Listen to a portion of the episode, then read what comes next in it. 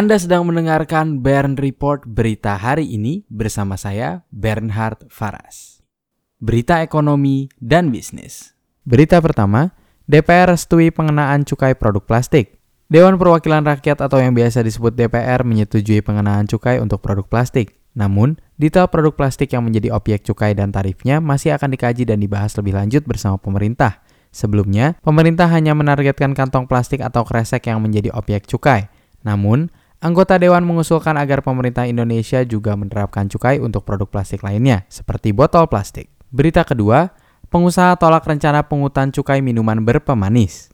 Pengusaha mengaku keberatan dengan rencana pemerintah yang akan mengenakan cukai untuk minuman berpemanis. Rencananya, pemerintah akan mengenakan cukai sebesar Rp1.000 per liter terhadap minuman berpemanis. Ketua Umum Gabungan Pengusaha Makanan dan Minuman Indonesia, Adi S. Lukman, mengklaim pengenaan cukai akan menambah beban dan berpotensi menurunkan penjualan perusahaan. Berita ketiga, pemerintah terbitkan izin impor gula sebesar 3 juta ton. Kementerian Perdagangan telah menerbitkan surat persetujuan impor gula kristal rafinasi untuk periode 2020.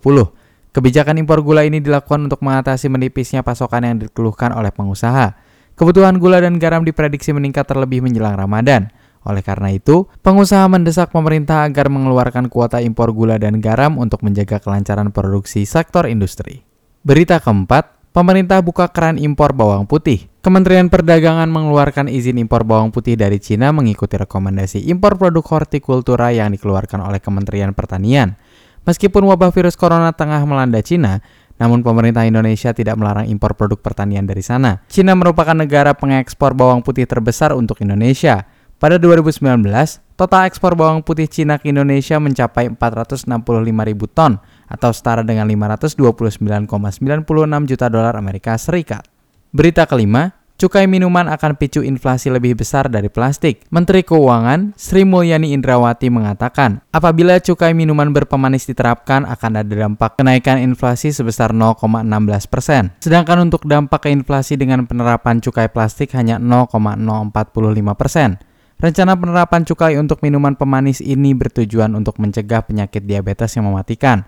Namun, usulan pemerintah soal cukai minuman berpemanis belum mendapat persetujuan oleh DPR. Berita ke-6, Freeport pinjam duit 40 triliun rupiah dari 9 bank untuk bangun smelter. PT Freeport Indonesia akan segera memulai pembangunan smelter di Gresik. Presiden Direktur PT Freeport Indonesia, Tony Wenas, mengatakan pihaknya membutuhkan dana 600 juta dolar Amerika Serikat untuk pembangunan fisik smelter.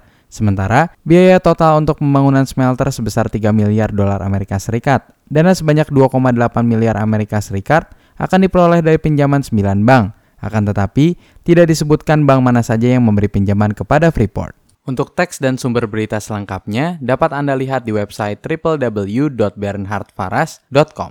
Terima kasih sudah mendengarkan Bern Report berita hari ini. Jangan lupa untuk membagikan kanal ini kepada kerabat Anda, tekan tombol like dan subscribe untuk mendapatkan kabar terkini setiap pagi dari hari Senin hingga hari Jumat pada pukul 6.30 waktu Indonesia Barat. Saya Bernhard Faras pamit undur diri, Semangat selalu dalam menjalani hari ini.